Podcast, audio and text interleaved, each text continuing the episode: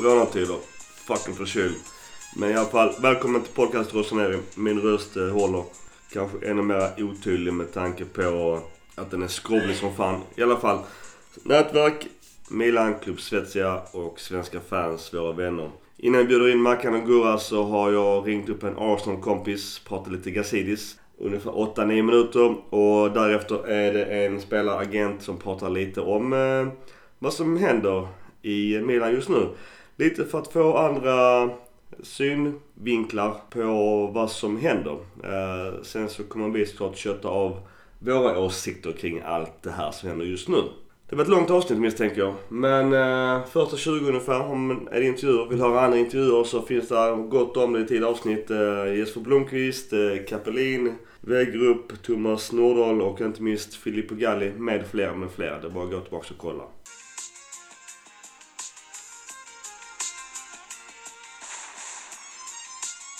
Okej, jag använder nätverket Svenska fans och eh, Arsenal och välkommen, vem då?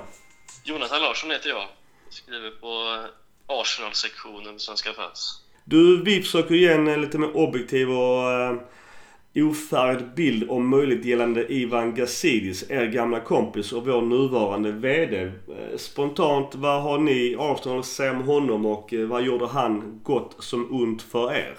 Rent kommersiellt så har han gjort stora grejer eh, med Arsenal egentligen. Att trots att Arsenal inte haft speciellt bra sportsliga framgångar de senaste tio åren så har ju inte varumärket Arsenal stärkt. Arsenal har även haft en, sund ekonomi, eh, gått med vinst i princip varje år de senaste tio åren. En del grejer har gjort bra, men också väldigt mycket dåligt också. Men bara backar ballen.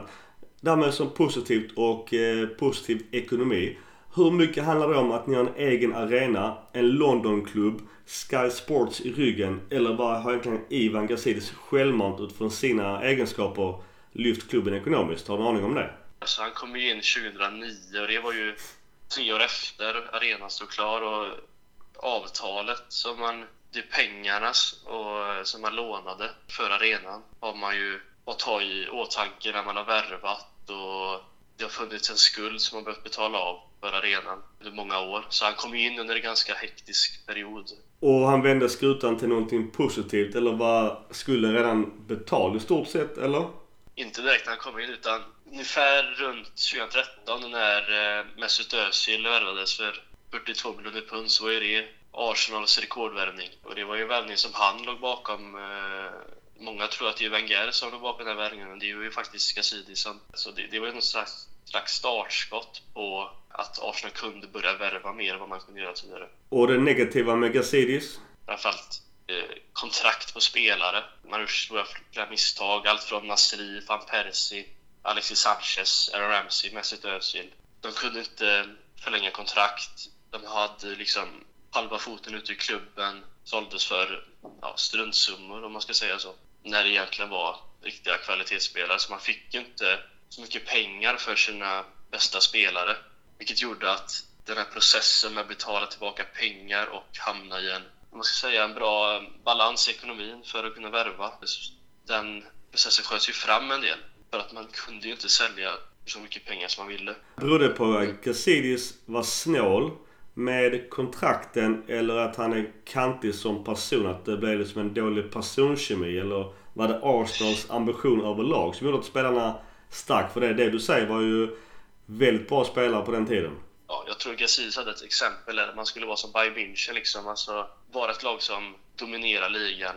Men sen eh, var ju även spelare som Alexis Sanchez, eh, Ramsey, Özil som jag sa tidigare. Özil som fick ett kontrakt på 350 000 pund i veckan när hans karriär håller på att liksom stupa. Men man gjorde det för att han är en så stor profil i Arsenal och skulle man sälja honom då skulle det kännas som att Arsenal, då är, då är de den säljande klubben igen. Kollar man då på vad Özil tjänar kontra den näst bäst betalda spelaren i Arsenal, som är Aubameyang, tjänar liksom 150 000 pund i veckan mindre än honom. Eh, det är ju en målskytt som sprutar in 30-40 mål varje säsong och är sin peak av karriären.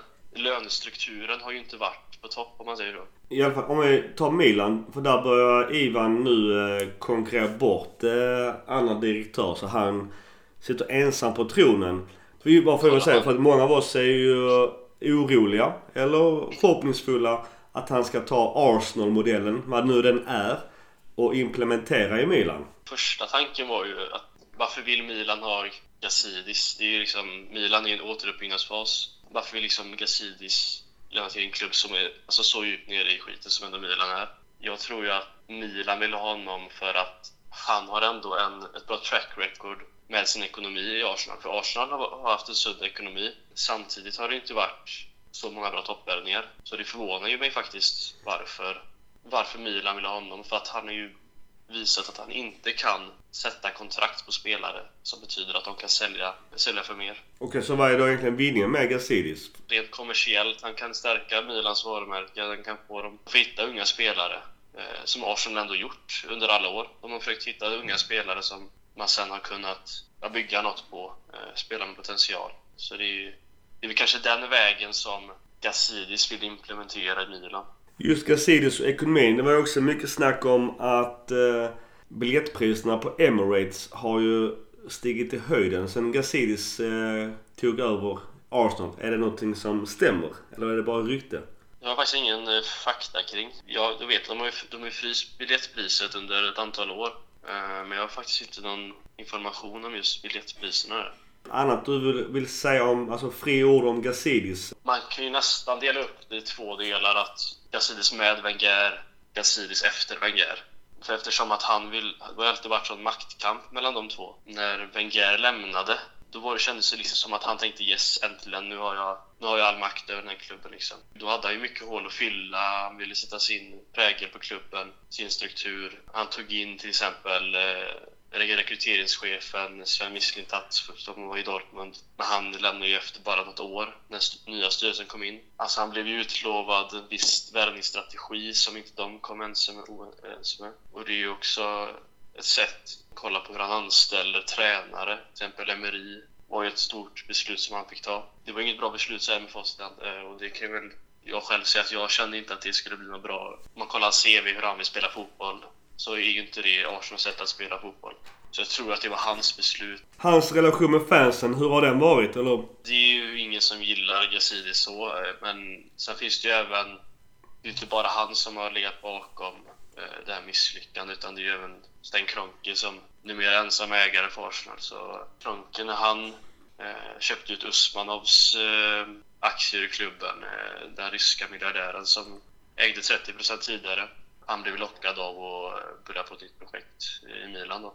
Så det tror jag var en stor anledning till att Gazidis lämnade egentligen. För han visste inte riktigt om han skulle få någon, ja, en hög röst i klubben och... Han gillar makten helt enkelt? Gazidis gillar makt. Alltså han vill ju ha han vill ha många bollar i luften och han vill ju liksom sätta sin prägel i klubben. Han vill sätta sin struktur på hur han vill ha det. De rollerna som ska finnas i klubben. Gazidis kanske ändå vill ha mer kontroll över det eh, än vad han hade under Wenger-tiden. För det är lite det som spekuleras i Milanleden här att alla som sätter sig emot eh, Gazidis och då är det ganska tunga pjäser som Boban då, han har redan fått gå.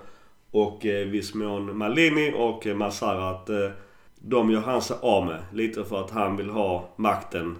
Eh, det vill säga tuppen i hönsgården. Är det intryck ja, det... man får också från hans tid i Arsenal? Ja, det är ju det, är det han eh, vill i Arsenal. Eh, få den makten och helt plötsligt skulle han gå till Milan. Men jag tror som sagt att det var det här ägandet, eh, Kronkes eh, uppköpta aktier som påverkade hans beslut. Sen var det klart, han tjänade 1,7 miljoner pund i Arsenal. Han tjänar det dubbla i Milan. Du, stort tack för kloka ord och eh, i min bok så är Wenger en megalegend. Det är han absolut. Och lycka till i Premier League och fortsätt skriva bra grejer på svenska fans. Detsamma och lycka till i Serie A. Det behöver vi. Tack så mycket. Ha det bra. Tack detsamma och hälsa Emirates. Eh, innan vi bjuder in Mackan och Gurra så kör jag ett kort samtal till efter detta.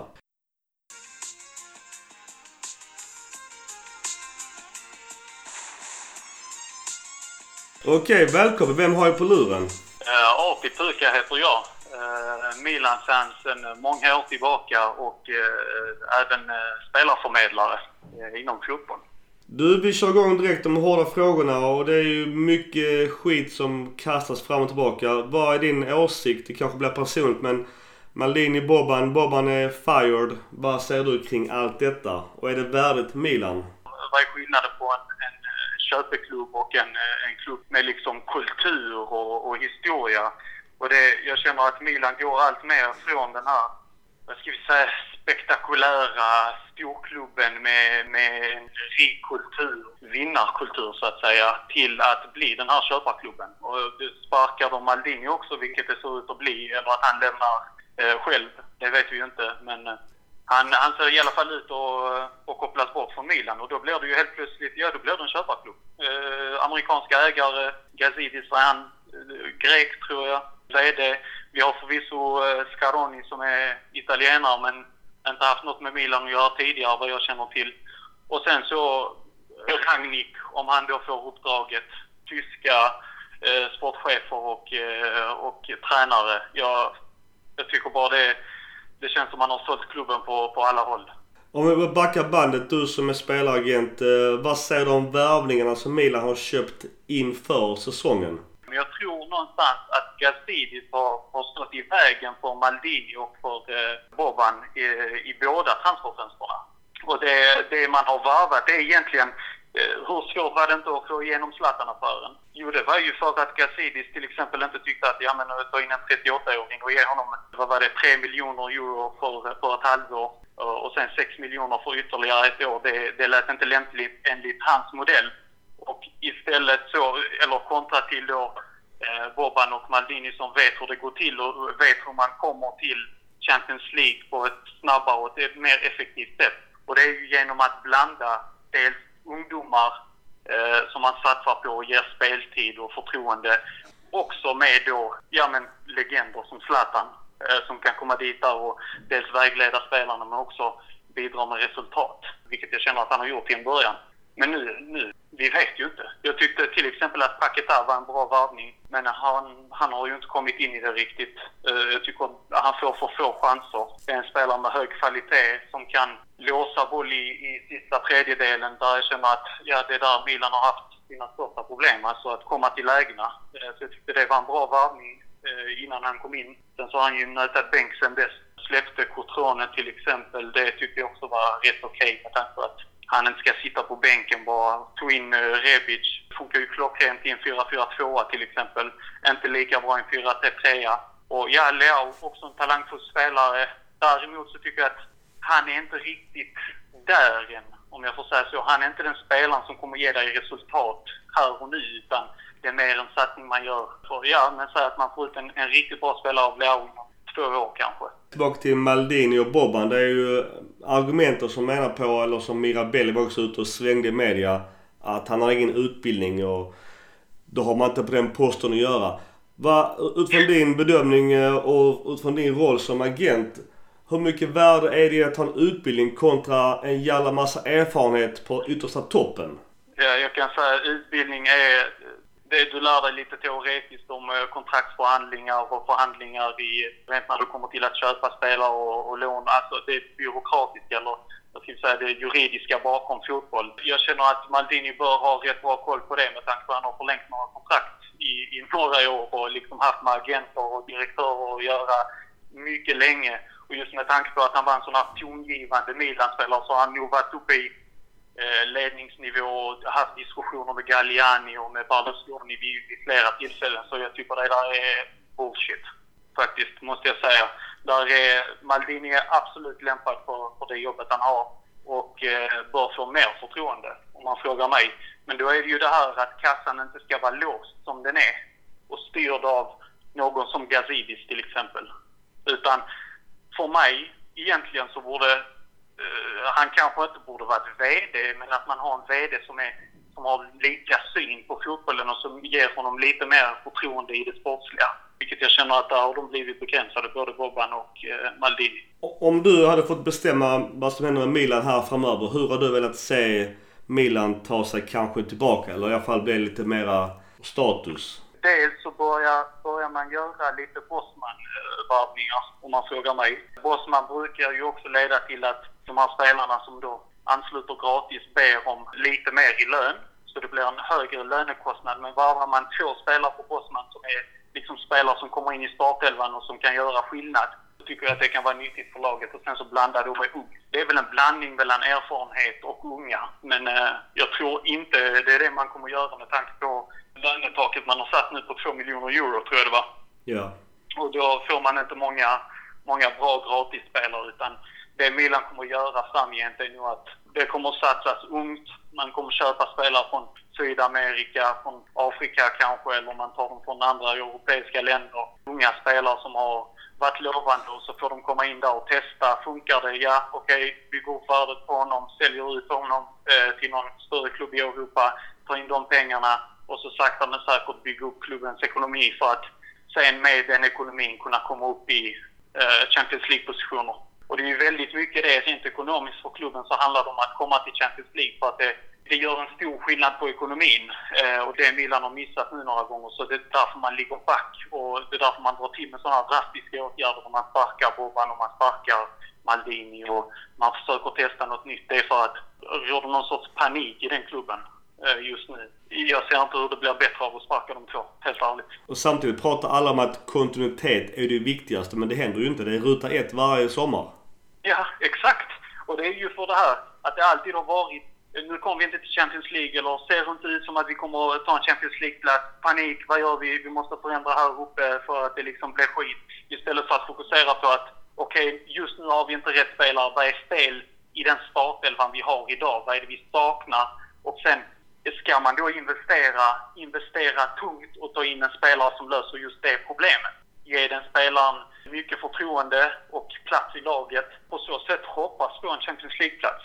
Medan den här modellen som Gazidis vill följa är en mycket mer långsiktig eh, plan. Och den behöver inte gå i hamn för det.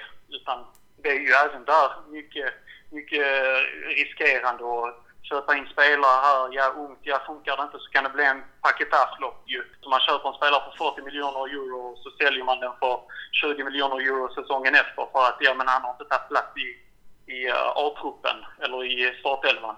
Och på så sätt kan man gå back där också. Så att där finns inget, hade det funnits en mall som man följer som är Ja, det här konstaterar liksom, eller garanterar rättare sagt eh, Champions League-plats så hade ju alla gjort det. Men det finns ju inte.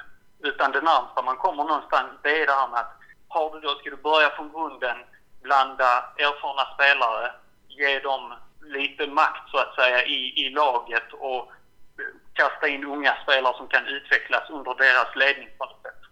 Eller hade Milan haft Zlatan från, eh, från säsongsstart så hade säsongen sett helt annorlunda ut nu. Om du, hade, ja, om du frågar mig.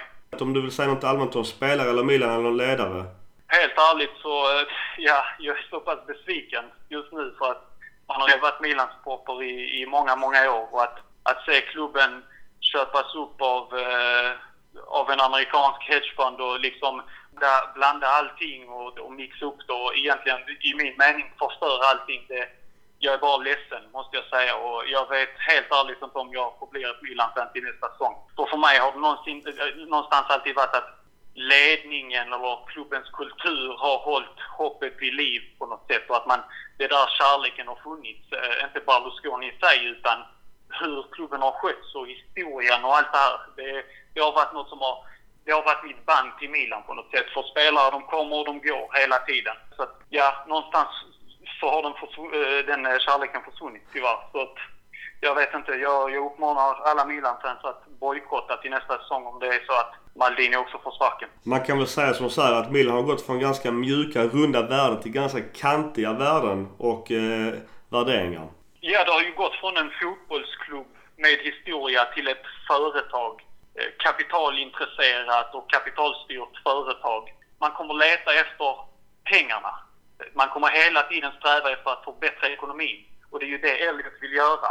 De, vill, de är ju inte intresserade av att behålla Milan. De vill öka värdet och det gör man genom att komma till Champions League, sälja spelare, bygga upp kassan liksom så att man har, eh, man har en häftig kassa och sen så säljer man, eh, säljer man den klubben med ja, en hög vinst antagligen.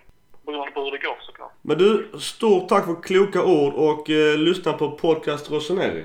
Tack så mycket du. Tack så mycket och lycka till med allting. Tack så mycket du. Ha det fett. Hälsa Landskrona. Yes, det ska jag göra. Ha det gott. Samma. Ciao.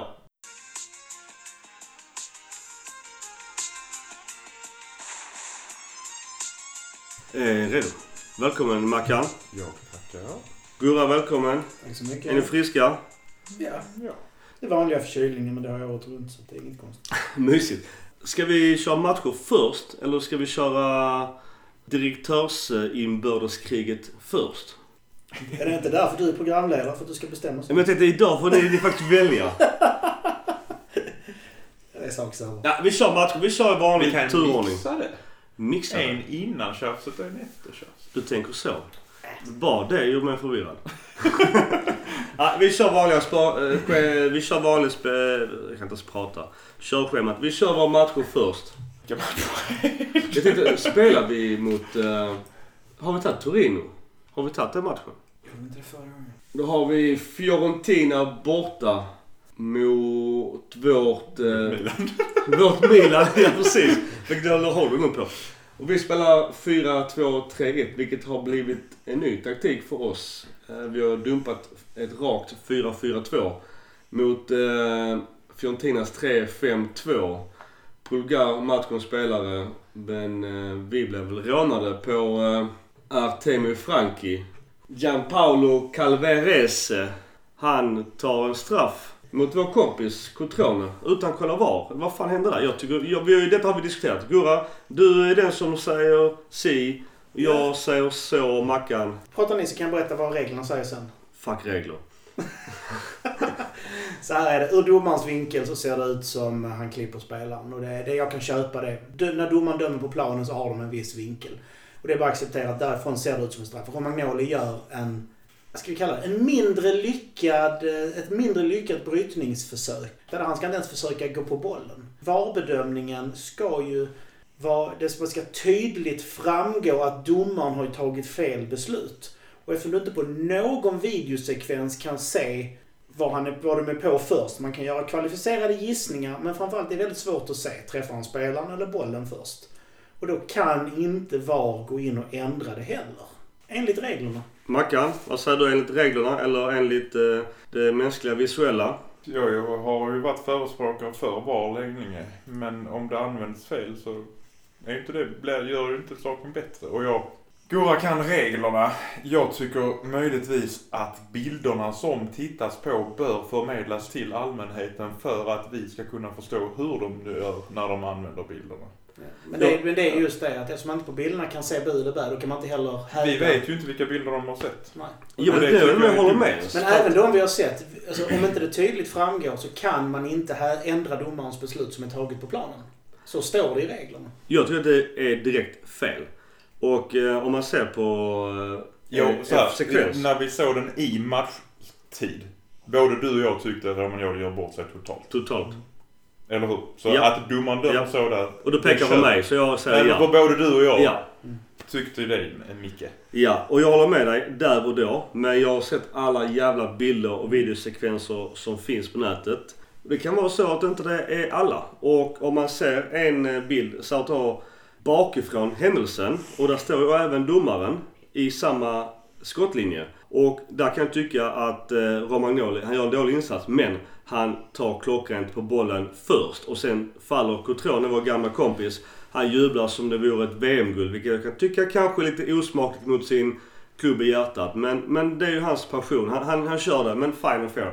Däremot så är det ju en kontaktsport. Och det, visst är det i straffområdet. Men här, jag tycker han klipper bollen först. Sen kanske det är knä mot knä, men det, alltså, om det är straff då, då ska han svära, på sin mors liv och gå ut och se den på video. Och det gör han inte ens. Och det tycker jag är nonchalant. Och återigen, VAR, jag älskar det. Men det har svängt jävla mycket. Och spelar roll om vi har VAR teknik, om det inte används, då fattar jag inte det. Jo, jo, men alltså det används. Men om man inte tydligt kan se att domaren har gjort fel. Vilket du kan, du, du kan inte avgöra 110% på de bilderna. Någon bild du har sett. Jo, faktiskt. Jag kan det. Kan du det? Jag kan det. Jag, jag, kan, jag kan 100% säga att den sekvensen jag har sett, särskilt då bakifrån. Den är ju en av de sämre bilderna. Jag, där, ser man att han klipper bollen först. Och sen är det, det är en tight duell, vilket det är på den här nivån. Alltså det är inte så att det är liksom basket, att man inte ens får titta på varandra från det är foul. Utan detta är fotboll på yttersta nivå. Det är touch eh, på bollen först. Och, och man ser också tydligt bollbanan, att det helt plötsligt sticker den åt helt fel håll. Sen om man tar en annan sekvens, Romagnoli som är ändå rutiner- rutinerad landslagsback. Han vet ju hur Cotrone är. Det är ingen stark avslutare. Han är inte jättesnabb. Bara följa utåt. Sen så måste Cotrone göra ett jättebra avslut och där har vi Donnarumma i mål. Så att det är dåligt av Romagnoli, men det är ännu sämre av... Be- Begovic stod just där. Ja, förlåt. Nej. Jo, Begovic, han, Donnarumma blev inbytt. Ja. Eller utbytt. Ah, Begovic förlåt. blev inbytt. Just det. Det var då han skadades. Ja, eh, helt rätt. Skitsamma, vi hade Ja. en målvakt där. Ja. Vi hade en Det var i målvakt, alla fall ja. en målvakt. Ja, Romagnoli ska inte göra satsningen. Och domarens vinkel, precis som Nisse gjorde spontant, absolut. Men VAR har använts så som direktiven är. Så man kan inte skylla på VAR heller. Det blev i alla fall straff och det blev mål. Men faktum är, det var inte där vi tappade matchen. Det var där vi släppte in mål. Laget slutar ju spela. Totalt efter deras röda. Ja. Och det är också en var på den där Zlatan eh, blir... Eh, var det Zlatan förresten som blev nerriven i... Han blev kommer fri? Jo, Mm. Mm, det var det. Det Precis, var- precis utan straffområdet. den tyckte jag också var ganska tveksam. Jag Eh, tycker inte det är rött. Jag tycker också där, återigen VAR där tycker jag är lite knepigt för att eh, jag tycker den var ganska hård. Och jag vet inte om det är därför det blir kompensationsstraff. Nej, men är det, är det frispark där så är det rött kort för det är en målsituation som förhindras att uppstå. Ja, men han får ett gult kort först. Det, det, det tycker jag är jättekonstigt. Var det Det, det ändras ju på bar till rött. Alltså antagligen tar domaren det först som en taktisk. Men VAR konstaterar att men det här är en målsituation, alltså blir det rött. Så att då är det ju by the book. Han var ju siste man på, på plan. eh, eh, Så att det kan jag köpa. Men jag vet inte ens om är det Tala om touch. Är det touch på Zlatan där? Jag vet inte. Jag tycker den känns mer tveksam än straffen. Om man nu ska vara objektiv. Det som jag, jag brukar sitta här och förespråka, Zlatan kunde mycket väl få ett gult kort för att han förstärker i den situationen. Men att det är en frispark, absolut. Är de inte sista man så är det gult och är han förhindras målsituationen så är det rött. Ingen hade klagat ute på planen och blivit frispark. Ja, det är helt rätt. Vi eh, har 60% av bollen och stort övertag även på skott på mål. Vi har egentligen övertag på allt. Eh, som du säger, vi var ändå ganska okej. Jag tycker det kändes ganska säkert eh, till vi slutar spela. Och så får de en kontring. Jag måste ändå säga att eh, Chiesa, hoppas att han hamnar i Juventus för att han har ju verkligen den mentaliteten som en filmande jävla gnällkärring alltså. Fan vad jag retar på honom. Nej, någon annan klubb. Inte Juve. Problemet är att han är bra. Han är jätteduktig. Men vilket jävla gnällröv. Jag tycker han inte har varit så gnällig förr. Har inte det kommit på senare tid? Förra säsongen upplevde, fick, jag- hade inte upplevt Nej, inte jag heller. Jag bara säga, det var Dalbert eh, som fick det röda. Det var, det var inte han som var Inter och totalfloppade. Eller har jag fel? Ja, skitsamma. Annars, Castro Willi, som har varit eh, på allas läppar som framtidsman. Han blev utbytt och gör en jävligt dålig insats mot Milan. Mm. Han var ändå bland Ja, ja, han skulle ju vara på väg till Milan och allt möjligt och ja, där höjde han väl inte sina aktier. En annars positivt kan jag tycka det är att, eh, nu blev jag så här utbytt, men att Gabia, om vi bunkrar upp på två matcher så har han ju verkligen petat Musacho. Vilket innebär att det är inte bara vi tre som sitter och gnäller för att vi tycker han är dålig utifrån personliga egenskaper. Utan han är dålig för att han är dålig. Skönt med Pioli för när han kommer in och det ska han ha så mycket cred för. Numera får man inte spela för att man är en trevlig kille, för att man eh, passar in i någon gemenskap eller är bra på sociala medier eller sånt. Man får faktiskt spela för att man förtjänar det och upp, alltså, håller nivån. Att Castillejo petade Suso, det är ju ett, en jättegrej. Att Gabia, eller vem som helst, har petat Musacho. Det är tydliga, tydliga tecken.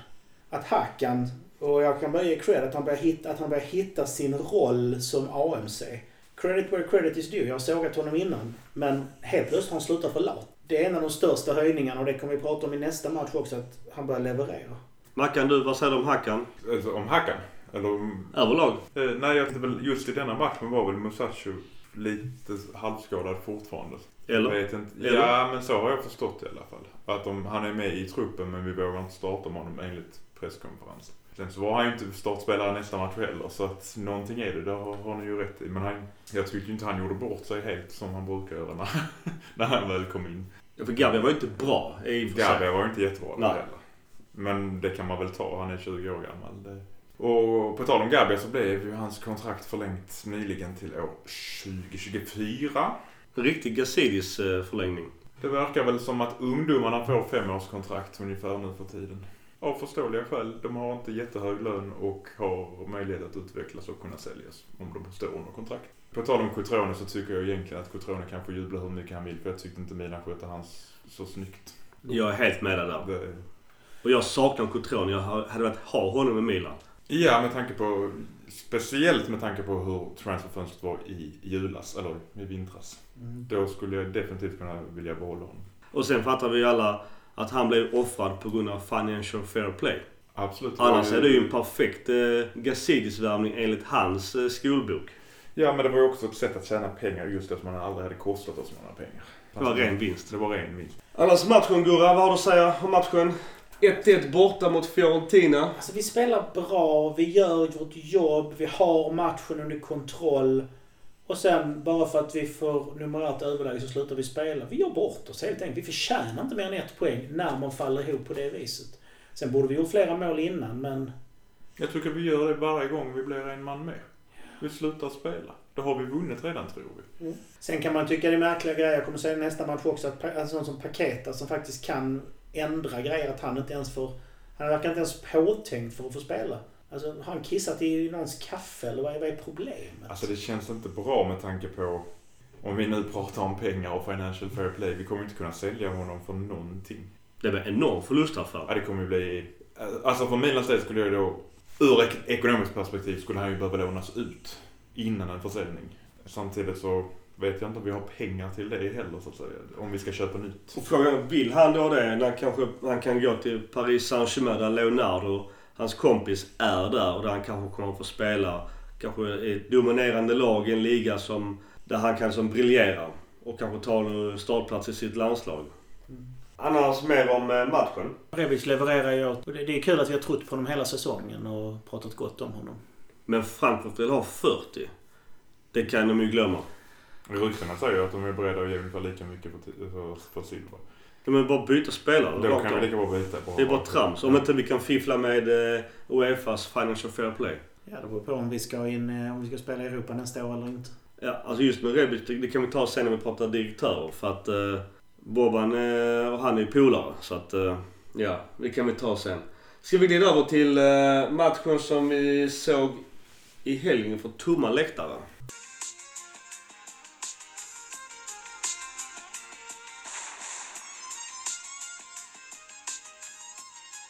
Det kändes som bortaplan.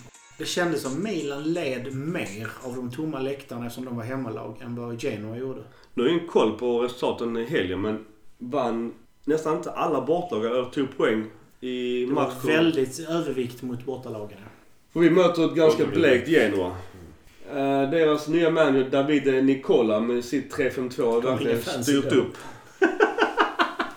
Vadå? Jag sa förutom Juventus men de är vana vid att spela inför tomma läktare. Ja, De har inga fans ändå ju. jag måste ge lite cred till Ronaldo. Han, är, han får inte mycket cred alls nej, i vårt... nej, eh, nej, nej, nej. Okej, han var inte cred, men han var lite humoristisk.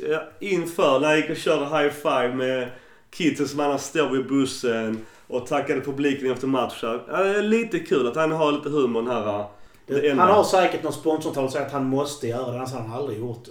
Så kan det kanske Jäkla vara. divan.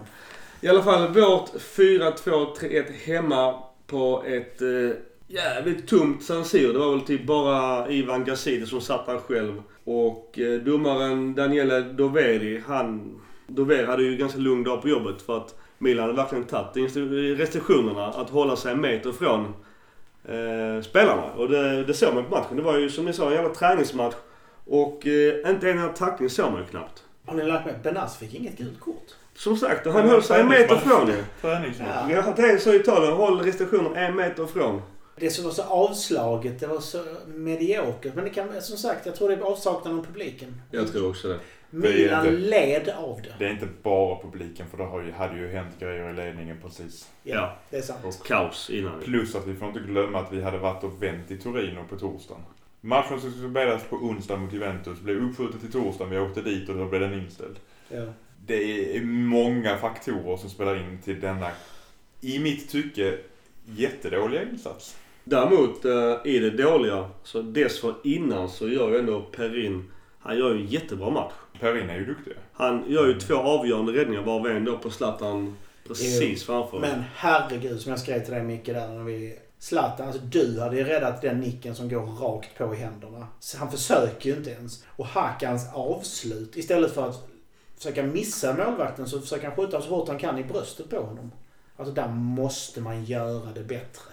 Ja, alltså fram till de gör mål är vi faktiskt ganska bra. Mm. Förutom, i vanlig ordning, ineffektiviteten framför mål.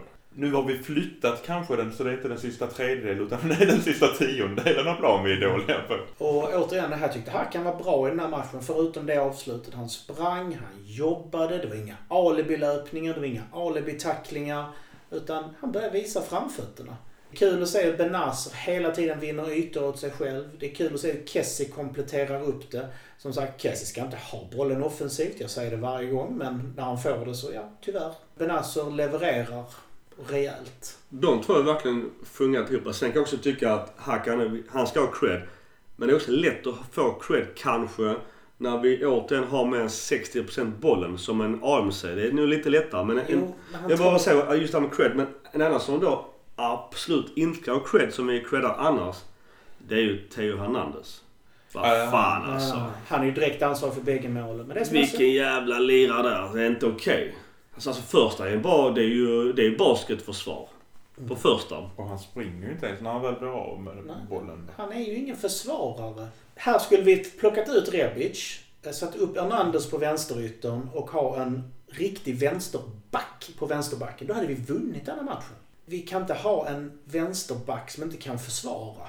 Spela upp honom på vänsteryttern, det är där han är som starkast. Men på tal om Theo så var han ju inte bra offensivt heller. Rebic och hans samspel som jag berömt för funkar inte överhuvudtaget i denna matchen. Ja, eh, Castillejo var duktig i vanlig ordning, sliter, jobbar hemåt. Samspelet mellan honom och Conti var ju ändå okej i denna matchen tyckte jag. Inte riktigt lika bra som de kan vara mot, framförallt mot, eh, mot Inter och Juventus. För just det, Castillejo hade väl, var väl den som hade skapat mest chanser i år. I alla ligor. I alla ligor i Europa. 31 skapade chanser. Så att säga att vi saknar Susu och hans skapade chanser. Vilka skapade chanser? Jag såg faktiskt, eh, Suso var ju ändå med i matchen i helgen mot eh, Atletico Madrid och han har ändå en startplats i Sevilla. Och Sevilla går ändå bra så att mycket tyder på att de blir eh, Champions League-plats och då får vi våra pengar för Suso och gör en Financial Fair Play-vinst. Absolut. Sen är det hemskt att se att den jävla Goran Pandev, gamla Interspelaren, återigen gör mål mot oss och halva... Gammal Lecce-spelare också du. Alltså, Ja. ja. ja, visst är det det. Men det är ju, Det är inte man minns honom för jag vet inte om det är hans mål. Nej. Alltså, om vi säger så. Det är Hernandez- Det självmål. Alltså, Nu står ju inte Donnarumma. Frågan är om han hade kunnat eh, täcka av det inspelet. Eh, Går så nära, eller är det, jag vet inte, det kan vara svårt, det går för snabbt. tänker det han känns- av, vad- tänker han vad ska av det det så öppnar han första stolpen. Ja, det, ja, det, alltså det var dåligt. De bommade. Eh, Gabia, det är inte han som ska belastas. Det, det är ju Hernandez i början. Ja. Hans basket, basketförsvar där är ju skitdåligt. Zlatan gör mål. Vad ska vi säga om hans insats? Vår svensk. Ja, målet är ju snyggt. Egentligen skulle vi säga så här. Tendenserna som vi har sett förr när han skäller och skriker har ju kommit fram igen. Ja. Men med rätta kanske då. Sen givetvis så hade jag väl önskat att han var fem år yngre och orkat delta mer i spelet. För han är ju väldigt statisk. Det är därför vi sagt att han ska ju ha Pippo Inzaghi bredvid sig. Det var det vi hoppades att Piontek skulle vara ju. Någon som kan utnyttja det, det han drar på sig. Det de ytor utrymmet som han blir. skapar. På, ja. Men någonting måste ju hänt med, med Leao för att det var ju uttryckt i media från Milans håll att vi ska satsa på honom. Han kommer bli Zlatans, inte arvtagare, men, men han och Zlatan har ett bra samarbete. Det fungerar bra. Vi kör 4-4-2. Nu är vi tillbaka till en anfallare och vi börjar inte... Vi börjar tappa poäng. Jag, jag kan berätta vad det är som har hänt. Din, eh, din idol har börjat göra mål. Precis, Rebic. Det går inte att Rebic, Rebic. Rebics form har gjort att Leo inte får plats. Jo men jag- det gjorde han även innan i ett 4-4-2 och Rebic spelade som vänstermittfältare. På en lite kanske längre bak än idag. Alltså visst det blir svårt att peta när Hakan gör det så bra som han gör det. Och Castillejo är kanske vår bästa spelare tillsammans med Benazzo. Och Kessie har faktiskt börjat övertyga. Ja då är det jävligt trångt och då blir det att man får rycka en anfallare. Men vi har egentligen inte spelat med två anfallare per se. Utan Zlatan har haft AMC-positionen. Vi har kört nästan den här 4-2-3-1 väldigt länge. Fast Zlatan har Hakans roll, Leao har legat ovanför, så har de bytt lite ibland. Och Rebic har haft lite en fri roll, utgång från vänsterkanten. Det vi pratade om förra gången, det är svårt att se riktigt hur de spelar. Men vi har fan inte två renodlade anfallare från start. Och då, det har vi vi, en- jo men vi, har, vi, vi vinner inte som vi gjorde innan med en, en rakare mittfält. Nej, jag tror att Hernandez offensiva toppform och ren lathet är det som börjar kosta oss. Den stabilitet som vi fick, man kan tycka vad man vill om Rodriguez. Jag vet att folk hatar honom för, för att han inte är bra offensivt. Men den vänsterkanten var stängd. Sanabria gör ju en jävligt bra match som deras anfallare. Han ligger bakom ganska mycket och det är en jobbig jävel att möta. Tycker ändå att Genoa, om vi inte vill slå Genoa så har vi inte Europa League att göra ens. Hade vi vunnit denna hade vi haft sjätteplatsen, vilket kanske varit ganska bra med tanke på politiska besluten som har tagits. Ja, det är lite oroväckande för att eh, ligan är ju stängd enligt eh, idrottsministern i alla fall en månad framöver stort sett. Och det är ju spekulationer på att man ska stänga ligan helt. Och om man såg hur Juve jublade mot Inter här i helgen, vilket innebar att de gick upp på första plats så börjar man orolig. Bara så shit, är detta någonting redan färdigbakat att eh, man stänger ligan efter den här omgången? För då är vi rätt körda. Nu, nu väntar jag på konspirationsteorin om att Juve hade sagt att, att Juve redan fixat så att om de tar ledningen så stängs ligan. Ja, exakt. Där kommer det. Jag, jag väntade på den från dig Micke. Ja, ja, ja, ja. Jag köper inte det resonemanget. Ja, när det är Juventus, Juve-märda som man säger, då vet man aldrig. De har ett finger med i spelet överallt. Modji lurar där bak fortfarande. Men vad säger du Mackan? Annars Genoa, har du någonting mer att säga om den här skitmatchen inför tomma läktare? Bytena ger, ja, jo, bytena ger väl effekt på sätt och vis. För det var ju Bonaventuras förarbete till Zlatans mål. Så på något sätt kanske den, gav en viss effekt. Men i övrigt, varför byter man ut en högerback och tar in en annan högerback när du ligger under? Jättekonstigt. Varför in med Bonaventura och inte Paketa i det läget? För då ska man säga att Bonaventura är en bossman som Milan inte kommer förlänga med i sommar. Han kommer lämna. Och Paketa in, in är ju en eh, värvning enligt Gazidis. Även Leonardo tog honom men sett till utveckling och, och ålder och, och en värdeökning. Så det, jag håller med. Makes no sense. Alltså en sak jag hade kunnat säga här det är ju att eh, om man nu vill ha in Bonaventura, byt i så fall, gör i så fall bytet Rebic mot Paketa. Paketa kan få härja utifrån en vänsterkant. Han har spelat där förr och gjort det bra. Men det som är på något sätt, han är paria av någon anledning. Det är intressant att se vad som händer om han lämnar i sommar, om han går ut och berättar vad det är som har hänt. Biglia, vår kompis, är tillbaka på bänken. Det är ju ett steg närmare startelvan. Det Tyst. är väl härligt att se och höra. Ja, han lär ju få chansen om han är frisk eftersom Benazer drar på sig gula kort. Stup i ett. Det är en fördel med att ligan är stängd för tillfället. Han kan inte få fler gula kort. Inte, det kändes lite som att eh, luften gick ur Milan här. Det är två matcher i rad som på pappret eh, borde inneburit sex poäng. Då hade det varit en helt annan femma nu känner jag. Nu är ligan stängd. Ingen folk på, på läktaren och Milan har tappat eh, ja, fem av sex poäng. Mycket tror jag på grund av röran inom klubben. Kaoset. Plus då röran i Italien för tillfället. Jag har efterlyst stabilitet i vår klubb länge. Ska vi gå över på inbördeskriget?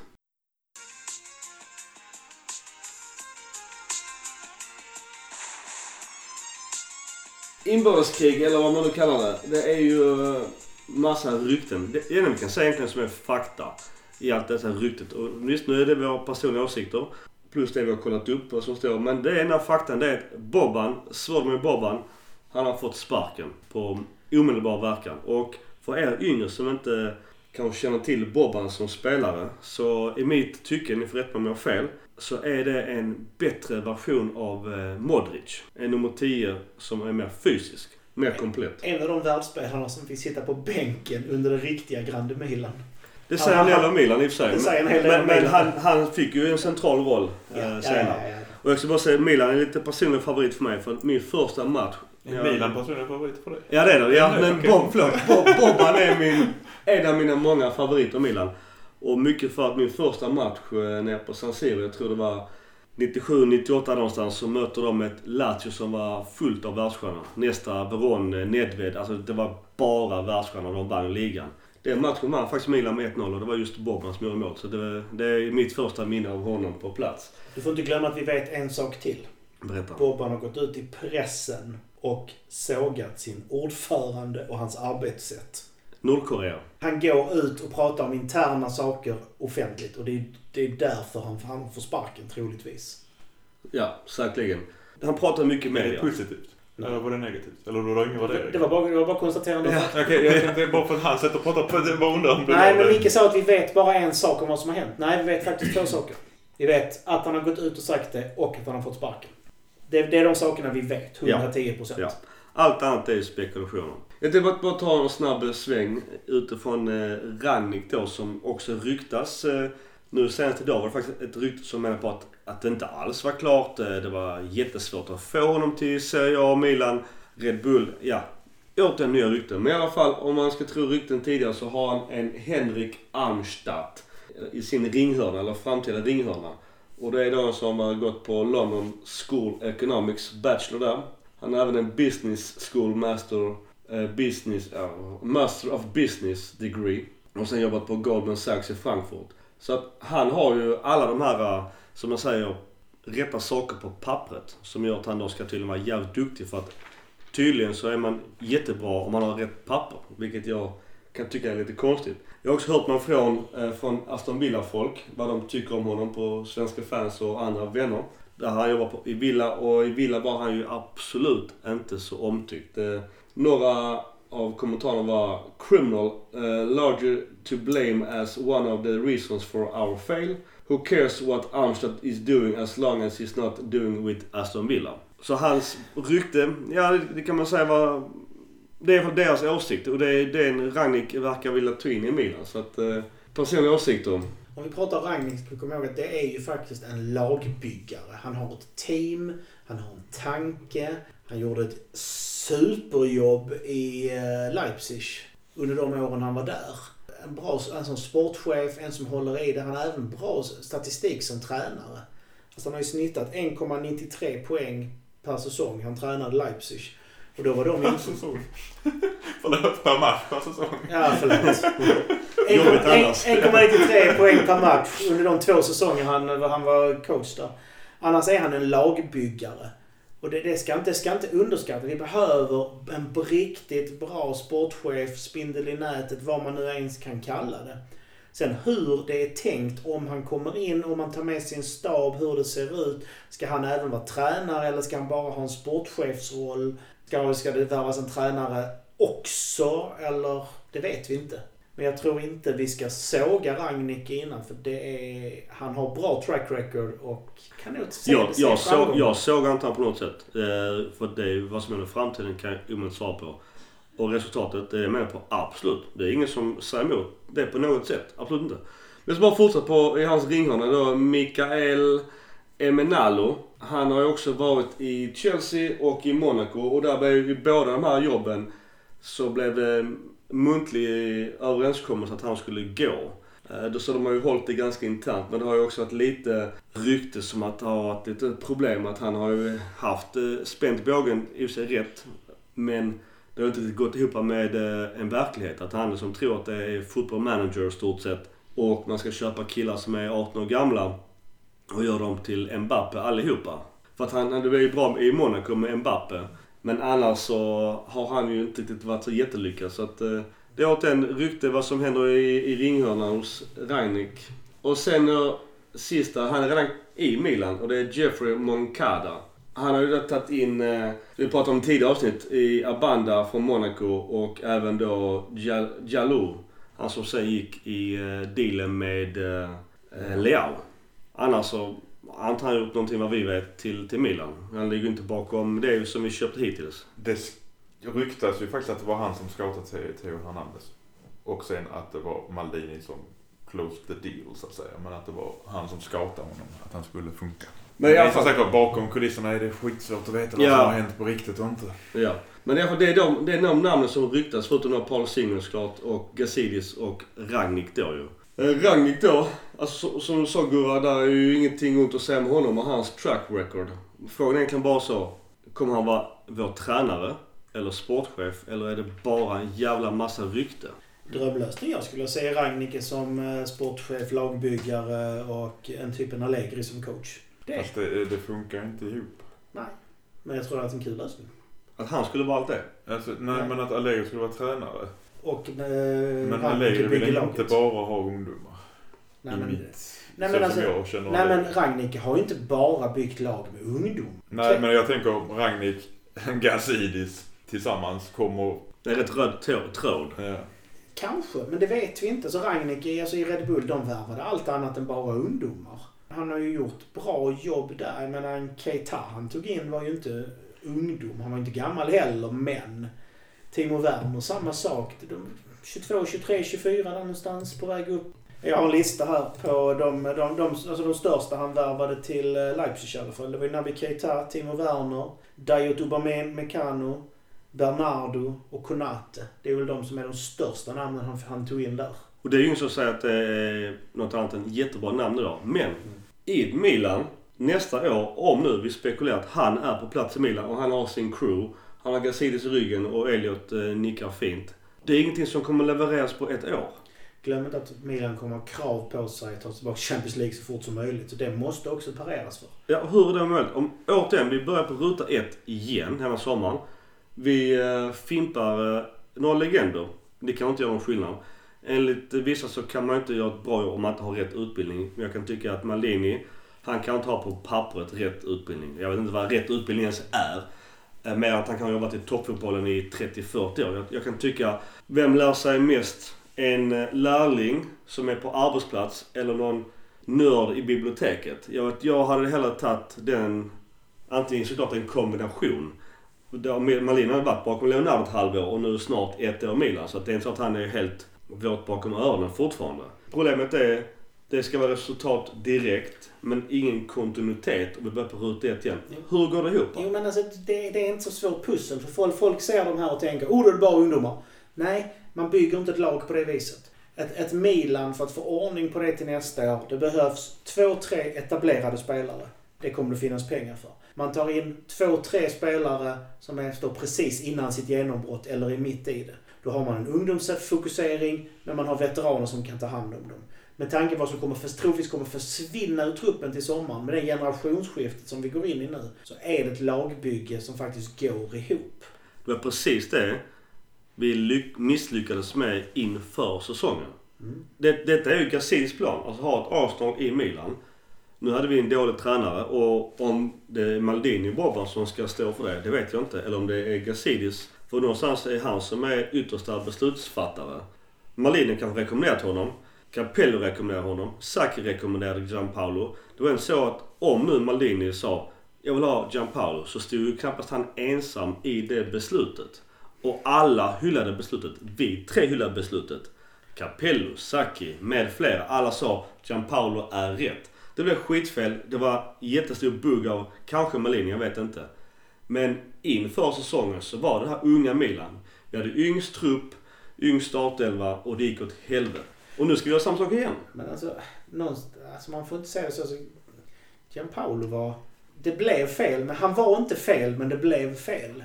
Varför det blev fel är en helt annan diskussion. Men det var en bra tränare. Han hade en bra idé. Frågan är, fick han tillräcklig uppbackning?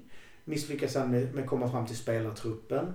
Den analysen tror jag inte vi klarar av att göra. Men det var att det var en bra tränare, det, det kan vi aldrig ta ifrån. Han hade en tydlig spelidé och han, han ville. Han gav upp den i och för sig efter en omgång. Varför gjorde han det? Var det, Det för att han fråga. inte fick spelarna? Fick han inte resurserna? Eller fick han direktiv? Vi vet inte. Jag tror inte det är många Milan-fans som egentligen tycker illa om Rangnick. Utan de tycker illa om återstarten år 0, 10 år i rad. Som det mer eller mindre har varit. Jag tror att det är det som är, är jobbigare än just Rangnick. Jag kan säga personligen, Ragnik, om han går till Milan och gör det bra. Jag är första, första som hyllar honom. Jag kan inte såga en person som inte ens är klar för Milan. För åt den, när, när det är officiellt, ja då får vi se. Då, då kommer vi, vi ge honom en chans. Men jag, jag är fortfarande också fundrad. Någonstans att man blint tror Ragnik kommer till Milan. Det kommer bli skitbra. Va, vad är det som säger att det kommer bli skitbra?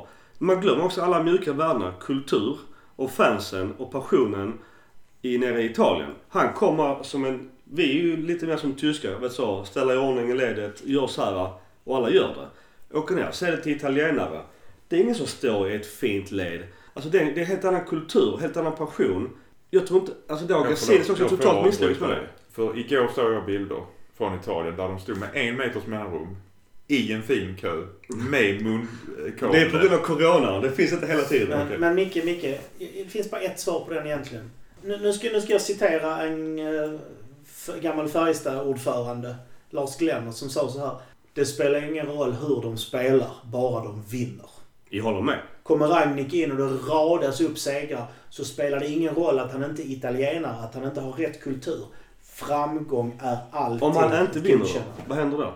Är det ruta ett, år 11 igen? Men jag ser inte det som år noll bara för att vi får in en ny sportchef. Alltså man måste inte ha... Bara han, han kan nog bygga vidare på det som finns. Vi är, vi är ju mitt i en ombyggnation oavsett. Zlatan, vår eh, stöttespelare som har lyft laget, vilket alla, även internt, eh, har gått ut i media och sagt att han har lyft laget Precis så mycket. Han och hans pizzabagare till agent är ju oroliga. Vad händer med hans kontrakt nu? Gazidis har ju stått emot värvningen av Zlatan länge och det var mycket pengar från en gammal gubbe. Och det kan jag köpa. Men å andra sidan så, återigen de mjuka värdena. men har Zlatan i eh, en trupp. Han höjer spelarna. Mycket mer kommers till Milan.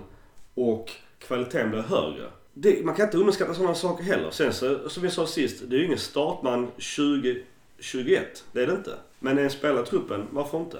Det är ju också rykten. Nu säger alla att Mina ska bara ha två miljoner i löner per spelare per säsong. Det är rykten. Det är ju ingen som har gått ut officiellt och sagt det. På tal om två miljoner per spelare i lön. Titta på Atalanta. Jag tror inte de har en enda spelare som tjänar mer än två miljoner ut. Nej, detta är snittlön. Det där är helt sjukt. Ja, men, Alltså, fort- titt- jag, jag ja. tittar på Atalanta som har 1,28 miljoner. Nu är det dollar det här på räknat i va? Nej, men dollarn och euron är ungefär. Det är till och med lägre än Ja. ja. euro. I, I snitt per spelare. Och Milan ligger på 3,44 i snitt per spelare. Nu har vi ju några som lyfter det lite grann såklart. Ännu mer ser på Lazio som ändå krigar i toppen som ligger på en, ett lönesnitt på 2,41. Jag, så, jag tror inte vi ska stirra oss blinda på lönekostnaderna som att det är negativt att de inte får mer. Det bästa Elliot kan göra är egentligen att köpa Atalanta och döpa om den till Milan. Men ja, bra idé. Det gör vi, det gör vi. Då har vi, då har vi ett svar. Han får inte lov att köpa en Atalanta Nej. eftersom han äger Milan. nej, jag vet. Bara du och dina jävla regler hela jävla tiden. Jag, tycker, jag tror att det är väldigt många som reagerar på rykten som inte alls är några sanningar. Vi har väl fått frågor om rollerna för vi blandar ihop rollerna hit och fram och tillbaka. Vad gör Maldini? Vad gör Gazidis? Vad, vad gör, gör, gjorde Bobban? Och de är, det är inte jättelätt att veta. Ja. Försök titta vad Bobban gjorde. Hans roll var Chief Football Officer. Och vad fan Ja, vad betyder fan är det? Ja, men jag, jag, ja. Ska vi gå in på det eller ska vi prata färdigt lönerna och sen gå in på det? Okej, vi kan ta lönen först då.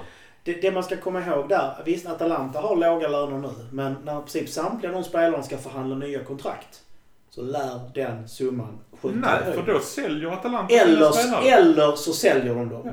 Och det är ju en klubb som... Och ligger ändå topp fyra ett antal år i rad. Gazidis kanske skulle varit där. Det är en klubb som passar honom. De går ju med vinst. Mm. Om vi då tittar på, kom- jag vet inte om ni kommer ihåg från förra avsnittet, det var en av få klubbar som faktiskt går med vinst. med löner om nu ryktet stämmer. För det första så stör man skitmycket på folk som vet. Folk vet inte ett jävla skit. Vi pratar rykte. Vi vet inte heller. Det ska också poängtera. Vi vet inte ett piss. Vi sitter och diskuterar och spekulerar utifrån våra synpunkter. Och det får vi göra för det är vår jävla podcast. Men folk som vet, ja men sluta, fuck det. Men däremot, eh, jag kommer inte ihåg vad fan skulle säga. Så varför är jag så Du irriterad? vet inte helt enkelt. Det, det vi ska säga om Boban och Maldini om vi tittar. Alltså, Vad har fan ju- skulle jag säga? Ja, men det, du kommer snart säkert snart på det. Det vi ska säga om Boban och Maldini är att de har i alla fall... eh, Alltså värvningarna är inte så dåliga som man vill få det. Alltså Benazer är ju en toppvärvning. Jag vet inte vem det är som får, vill få lite dåliga värvningar. Nej, men det är bullshit. Rebic möjligtvis förlåt. ville vi få. Jag, nu, jag, jag, jag, måste bara, jag kom på vad fan jag skulle säga nu. Jag är dement efter min eh, influ, influensa. Coronadement. Nej, om det ryktet stämmer. Jag hatar egentligen rykte fast jag älskar det också. Eh, paradoxalt, men ja, men så är jag. Hatkärlek. Lite så. Men om det stämmer att det blir två miljoner i ett lönetag. Då bör ju i så fall Gazidis självmant först av alla sänka sin lön från fyra till två. För att visa lite så goodwill. Men han är, han är, han är ju värd två, han är värd två spelare. Ja, vilka två då? Det är... Biglia Ja, exakt. Ja, ja, precis. Det är på den nivån. Men i alla fall, det, folk vill få det till att Boban och Maldini har gjort ett sånt jäkla dåligt jobb. Att det skulle vara den sämsta eller sport, eh, ledningen i sportvärlden och allt vad det var. Men alltså man tittar på vad de har värvat. Visst, nu, nu följer ju inte Gianpaolo väl ut. Även om det faktiskt var en bra tränare som jag sa precis. Men Benazer, Rebic, Kjär, Zlatan, Hernandez, Salmakers, Begovic, Kronic. Och sänkt lönekostnaderna ganska och mycket. sänkt lönekostnaderna men de har blivit av med Suso. De har ändå gjort en bra i truppen. Sen kanske det inte är hela vägen, om det är på grund av backning. Det, kan, det saknas fortfarande positioner. Men de de har gjort är smarta. Benazer är ju en toppvärvning. Rebic, ja, det är en habil avbytare. Kjär har ju lyft vår backlinje som en kortsiktig lösning. De långbollarnas genomskärarna, det har vi ingen annan som slår. Och det är ju ett steg, stort steg upp till uh, jämfört med Musacho. Även gjort eh, att Gabia troligtvis lyft honom också. Zlatan som sagt har gett en helt annan dimension. Hernandez ska vi inte underskatta. Även om han inte klarar att försvara så har han ändå gjort mycket offensivt. Selmakers är en ung lovande spelare som kan bli bra. Som jag fick väldigt billigt. Ja. Enligt han, Belgien fotbollexperten som var på intervju. Där finns det ju en potential. En, kanske en Gazidis-värvning. Men han, hans värde kan ju verkligen öka. Och så har vi Begovic som... Han, hans uppgift är att gå in och kunna leverera ibland och han har inte gjort bort sig heller. De Han har... var jävligt nära på att ta straffen, var han inte det? Han Jo, på ja. Det, man ska inte kasta skit på det de har gjort. Sen kanske de skulle kunna gjort det bättre, men vem skulle... Ja. Det jag menar på också. Mirabelli är ute och svingar sitt bullshit. Och på tal om dåliga sportchefer. Att Mirabelli återigen eh, vågar yttra sig när han fortfarande ligger i en juridisk process med Milan. Han kan ju kanske varit Milans sämsta sportchef. I alla fall vad jag kan minnas. Nu har vi haft Galliani så pass många år så att man minns inte. Jag vet inte. Minns inte vem som var Nej, nej, exakt. Men Galliani var ju ändå som många sa att eh, det var ju en Ferrari. Formel 1-Ferrari. Alltså Mirabelli i transfer-sommaren kommer ju inte upprepas i sommar. Tack och lov. Inte var- varken i antal eller i pengar. Så Mirabelli, i, om vi pratar sportchefer, han är ju sämsta jag har sett. Och han hade då, enligt pappret, rätt utbildning och erfarenhet och allt det här som är så jävla viktigt tydligen. Han var katastrof. Och ni som lyssnar på detta får inte Hoppa gå tillbaka till de första avsnitten vi spelade in.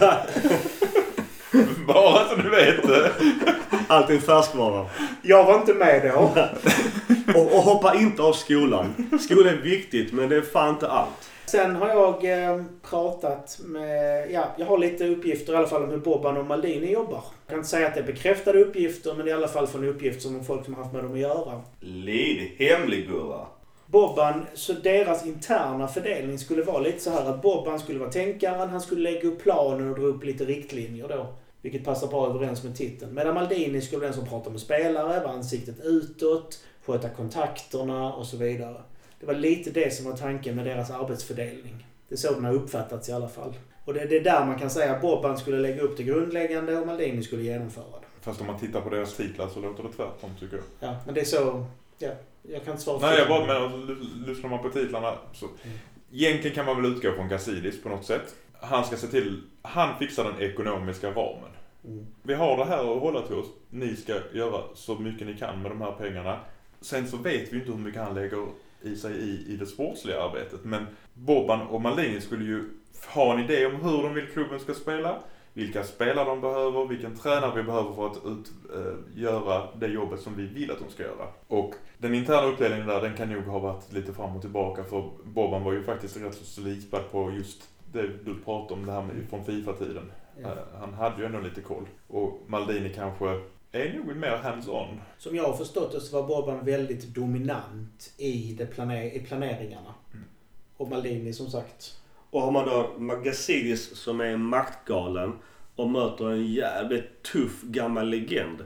Och sitter han då på en hög position så bara säger du är ledsen buddy. Så alltså pyramid, pyramiden ut.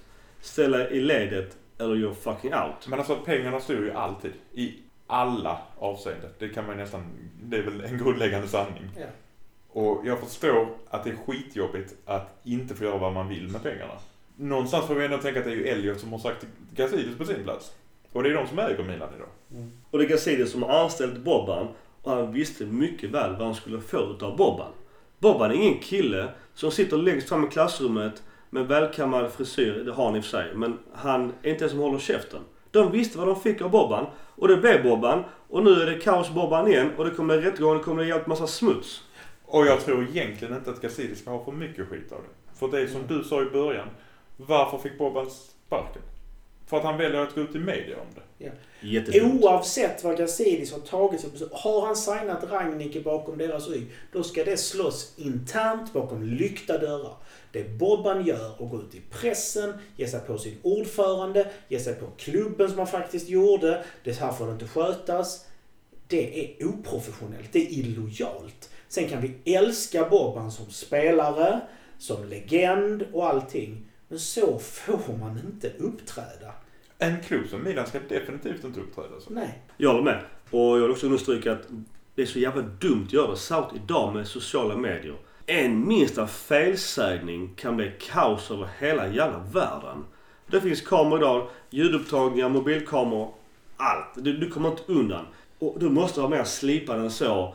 Än att gå liksom som den här mobbaren i korridoren och råka liksom putta till en stackars nörd som ska in på lektionen. Det funkar inte så. Alltså Boban, du var kung på din tid. Men under nya tider har inte du hängt med utvecklingen så får du kanske tona ner dig. Eller få munkavel på. Det funkar inte för han jobbar inte så. Och jag har full respekt för Boban. Men det blir idioti. Och jag håller med. Han borde veta att man håller saker internt. Och det borde han faktiskt ha lärt sig under tiden i Fifa. Ja. Oh yes. Verkligen. Men vad gör vi med eh, Maldini? Kommer han eh, hänga med i nästkommande ruta 1? Kommer vi tappa Rebic? Kommer vi tappa Zlatan? Kjär som jag tycker är en lysande värvning utifrån hans förutsättningar som en back nummer 3-4. Jag vill ha det. Det är en billig värvning fortfarande. Som en backup 1-2, alltså det vill säga back 3-4. Eller kommer vi fimpa alla snubbar över 30? En Modric som Bosman kan vi ju fett glömma utan Bobban. Det är, många olika frågor. Det första jag skulle säga med just Maldini så tror jag att Ragnike och Gazidis och hela klubbledningen gärna ser att Maldini har kvar lite grann samma roll. Det var han som åkte och pratade med Hernandez. Det var han som så här, att, att han jobbar vidare under Ragnike med player relations eller vad man ska kalla det. Det tror jag hade varit klockrent och jag tror de jobbar mot det också. De kan inte göra sig av med både Bobban och Maldini i samma veva. För då blir det kaos i, bland fansen. Ja, det beror på hur Maldini tar det också. Men att Maldini är inte dum. Han fattar att man kan inte gå ut på det viset heller. Vad gäller Kjär så, ja, kanske. Men absolut ingen startspelare. Kanske som den här stabila backupen som Zapata borde varit den här säsongen. Han var på bänken nu sist. Men det, det är också vi understrukit att eh, Kjär och Zlatan är ju inga startspelare för nästkommande säsong. Om nu ens de skulle vara kvar. Men jag vill fortfarande ha båda i truppen för att man kan inte bara ha U23-spelare på plan. Det går inte. Alltså även om det skulle vara mest lovande och det är inte football manager man spelar. Man behöver några snubbar med lite högre hårfäste som kan hålla i bollen. Nu ska Ronny ha ju, ja Scaroni som är president. Han har ju gått ut och sagt att, att det finns möjlighet att ha kontrakt som är dyrare än 2 miljoner. Men att det ska finnas skäl till det så att säga. Och det är ju undantagsfall. Jag tycker, det är skitsvårt att säga om framtiden. Men jag tycker också att både Kjär och, och Zlatan har gjort ett bra jobb i Milan och kan vara värda ett kontrakt med mer. Jag tror den stora stötestenen kommer vara Donnarummas kontrakt. Han måste vi ju sälja i sommar eller förlänga. Ja, och vi kommer inte kunna, med agenten i fråga kommer vi aldrig få till en sänkning av lönen. Ja. Och jag, jag säger det. Den kulturbäraren han är. Ge, det, ge honom det han vill ha. Han behövs. Men hur länge vill han stanna i Milan? Nej, men, Ruta ett igen. men det behöver inte vara ruta ett, Micke. Jo men det är det. Nej! Jo. Det är Alltså, inte ruta ett bara för att man får ny sportchef. Det är inte ruta ett. Om man tappar två, tre startspelare och har ny tränare också. Alltså du måste ändå förstå att det handlar inte bara om legobyggen som man, man bygger ihop. Ja, Jag byter ut en blå mot en röd färg.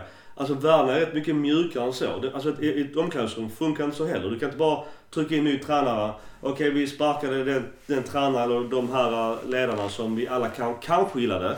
Nu är det en ny snubbe.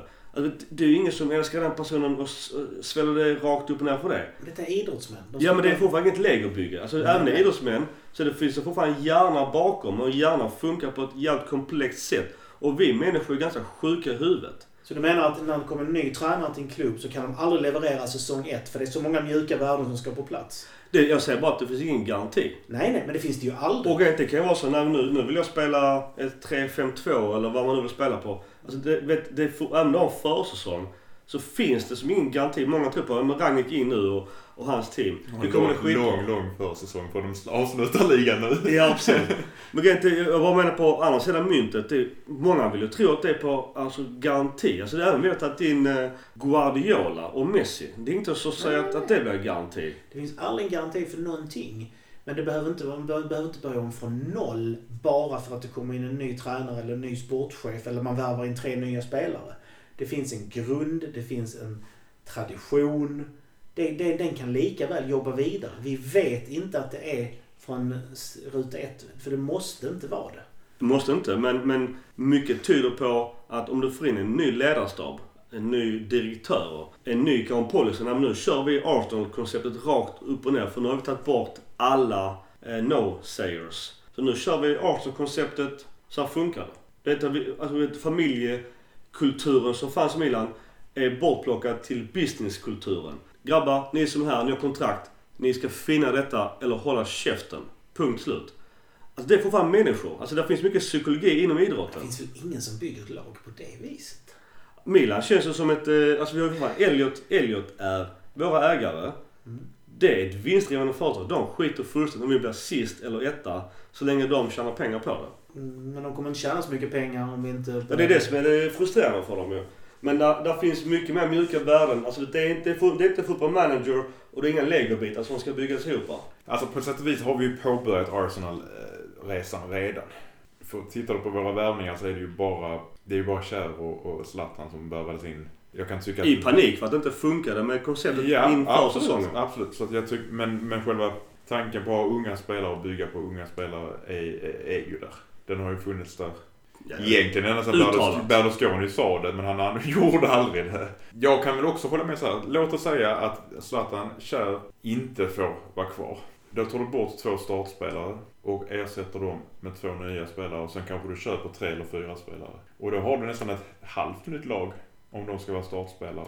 Det är förutsatt att, det allas, vara... att resten stannar. Jag kan inte se, tyvärr, att vi ska motivera Romagnoli och Donnarumma ännu en säsong. Du grabbar, eh, det är ligaspel i italienska cupen. Kul va? Eh, inget Champions League, inget Euroleague. Men ni vill väl stanna kvar? Skriv gärna nytt kontrakt. Gärna ett kontrakt som är lägre än nuvarande. Alltså hur mycket hjärta ska de egentligen visa redan? Du är för mycket domedagsprofet Micke. Jag köper inte det. Men Vad, vad tror du händer? Tror du de säger så, nej men eh, vi kör ett år till, även vi unga. Romagnoli, hur länge ska han stanna kvar i Milan? Utan typ 24. Nej. Det kan vi ju snart kolla upp. Ja, 25. Okej. 25 är Ja, Det därför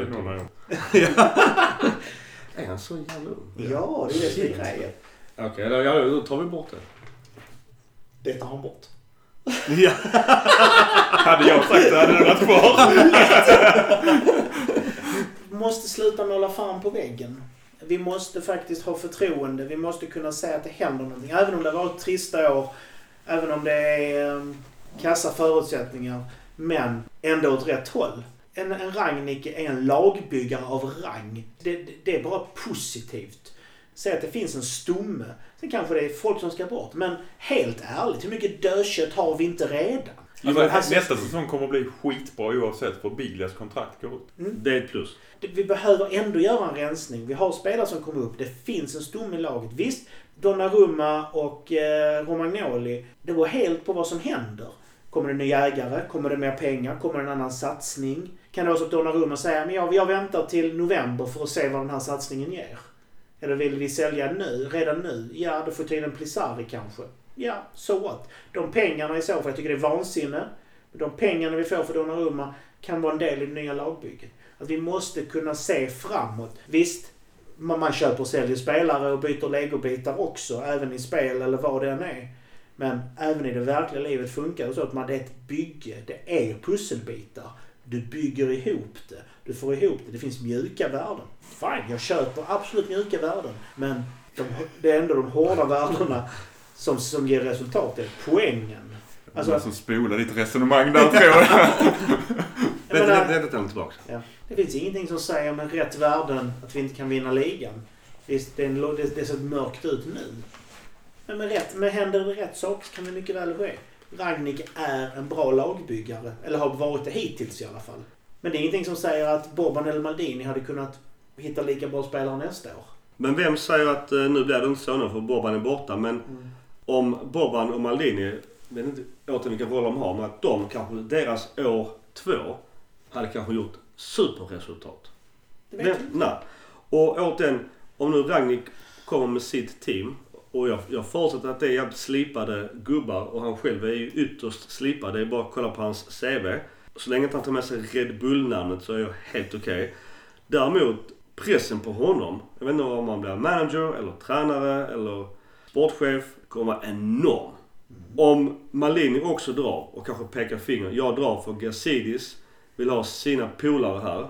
Vilket innebär att jag och Bobban, kanske även stackars Marsara som var kung i Roma, att de blir utkickade. Pressen på dem kommer vara enorm. Om inte de levererar år ett så kommer alla säga kolla, vadå? Vi bytte till vadå? Ja, ja, risken finns alltid. Det är steg i rätt riktning, sen kanske stegen blir fel. Vi får se vad som händer. Mackan? Alltså jag tycker ju så här att vi alla vet väl om att Pioli kommer, hade ändå bytts ut i sommar. Så på något sätt så är det här bara en förväntad utveckling. Sen tror jag att en, mycket handlar om kulturbärarna som vi har pratat om i Milan. Boban och Maldini är kulturbärare. Det är därför det känns jobbigt för fansen. Och jag tror att man sänker det ekonomiska värdet på att alienera fansen genom att sparka kulturbärare. Om inte Ragnhild levererar direkt så kommer det förmodligen leda till färre supportrar och därmed blir ju inte värdet på klubben högre. För det ekonomiska värdet i en klubb, förutom att de kan dra in vinstpengar, det är ju sälja grejer till sina supportrar. Ja, jag hade gärna sett att Bobban var kvar. Gärna sett att Bobban och Malini ingick i teamet. Men när Bobban går ö- alltså, han får inte gå ut så i pressen. Det argumenterar jag inte emot. Nej. Jag säger bara att jag försöker Ja, precis. förstå hur fansen Men jag känner. tror folk... Alltså, jag har sett mycket blandat. Folk vill ha Gazidi out. Men jag har inte hört någon försvara att Bobban går ut och sågar som han har gjort. Det tror inte jag någon kan göra faktiskt. Nej.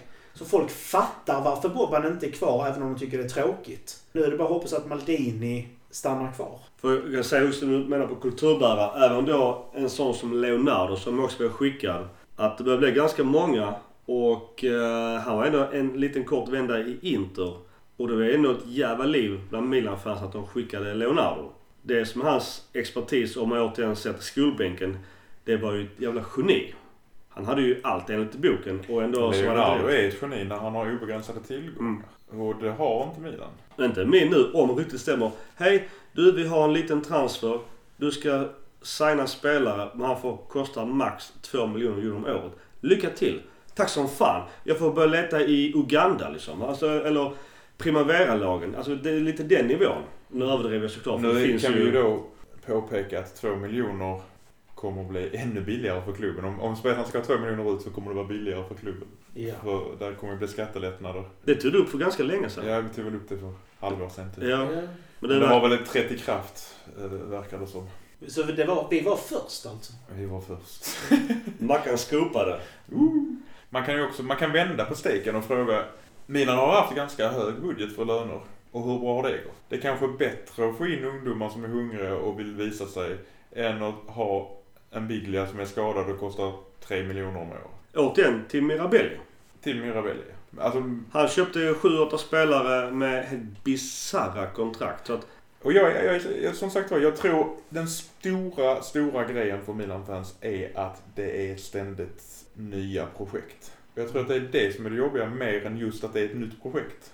Jag kan säga utifrån min personliga tycke, för jag, jag kommer alltid följa Milan, även om de är nere i Serie C.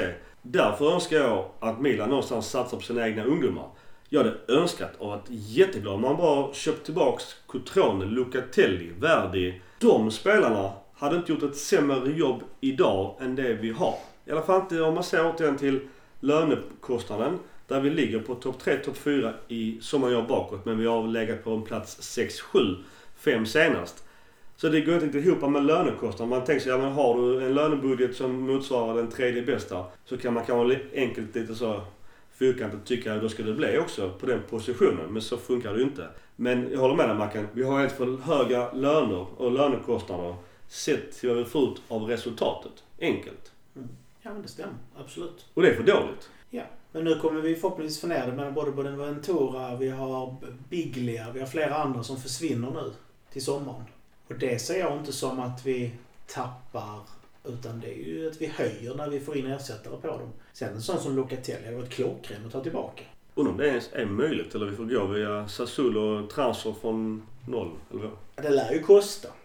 Det lär ju vara en 25-30 miljoner. Eller man kan göra något snyggt byte. Vi kan byta Susu och Biglia mot eh, Boga och eh, Locatelli. Eh, bara en kort... Kan man byta en bossmatch? Du kan få, du kan få Biglia och Du får på de stora.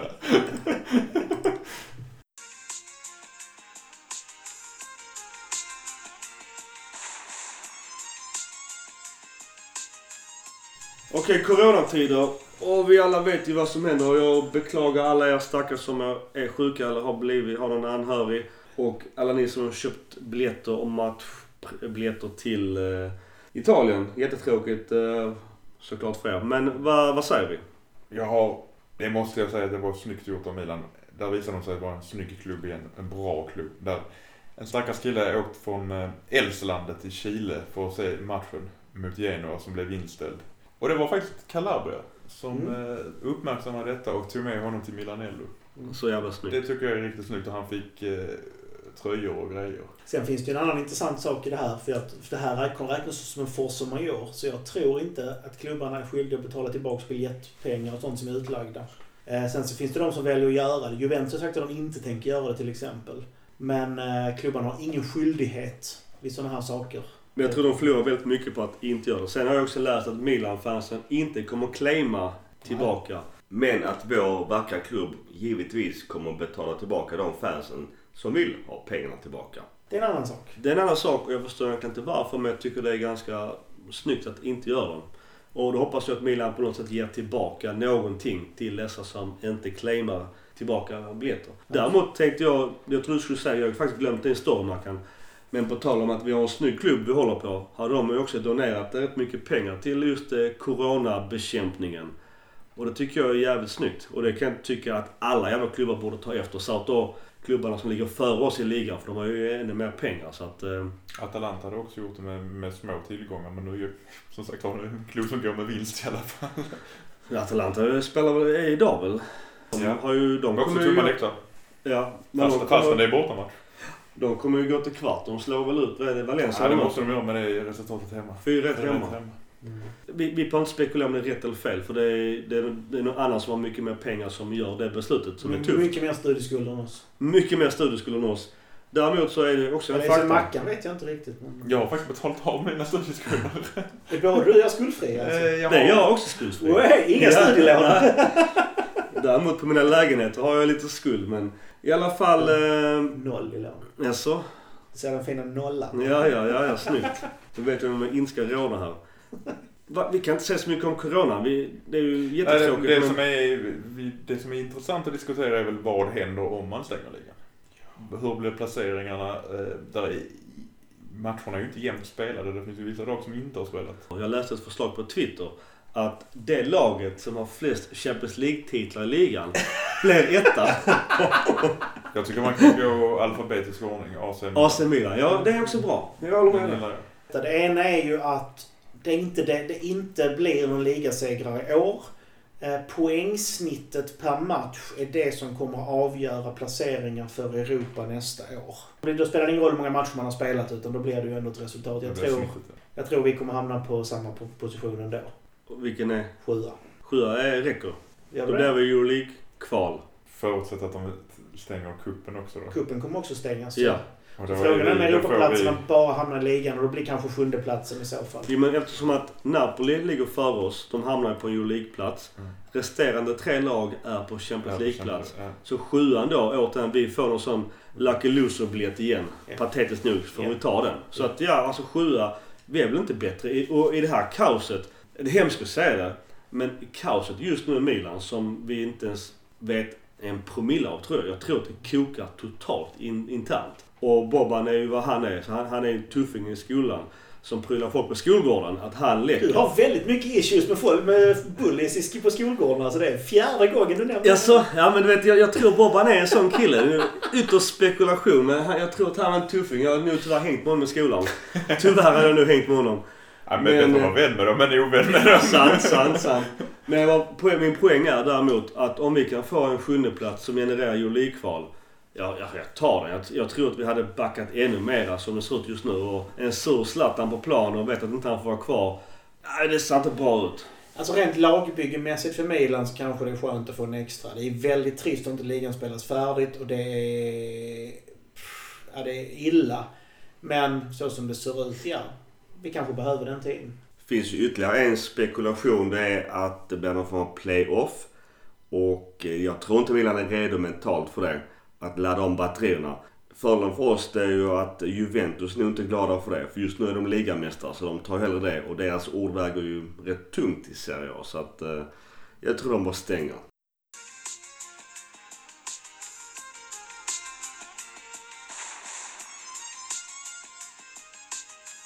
Eh, hit and shit. Avslutningsvis min... Eh, jag börjar med shit.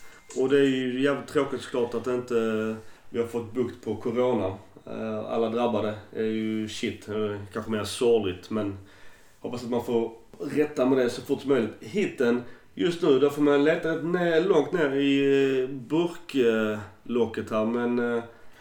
Jag vet inte, jag... jag I burklock. Har du inte gett upp och försöka köpa hans liknelser?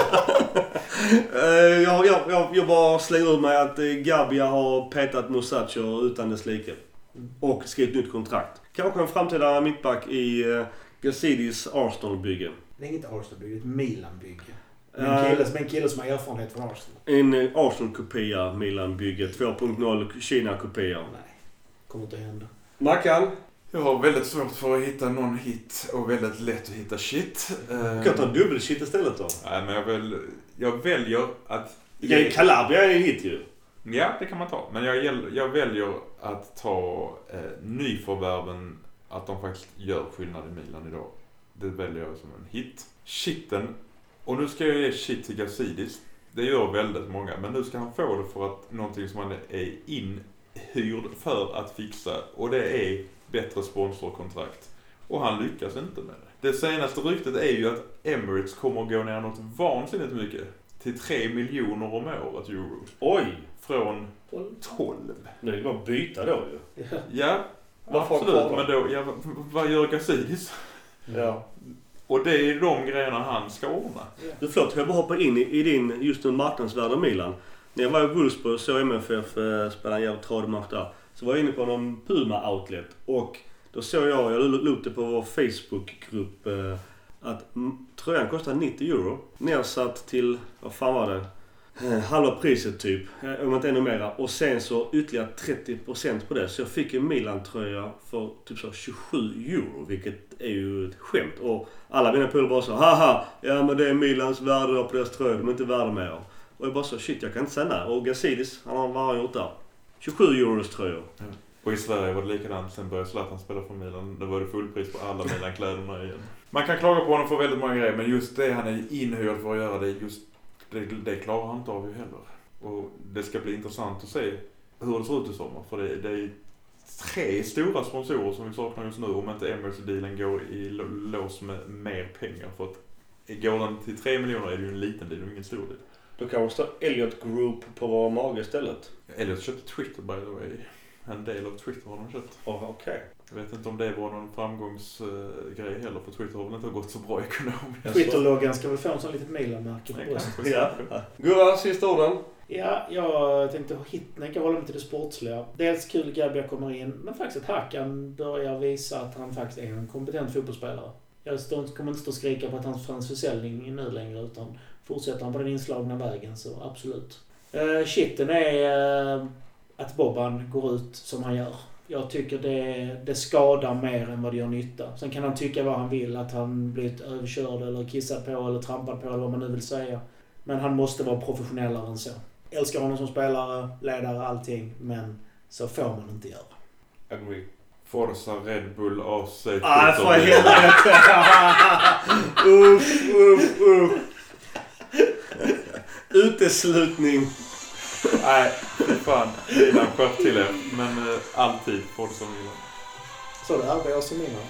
Alltid Forza Milan. Forza Milan. Forza Milan. Forza Milan.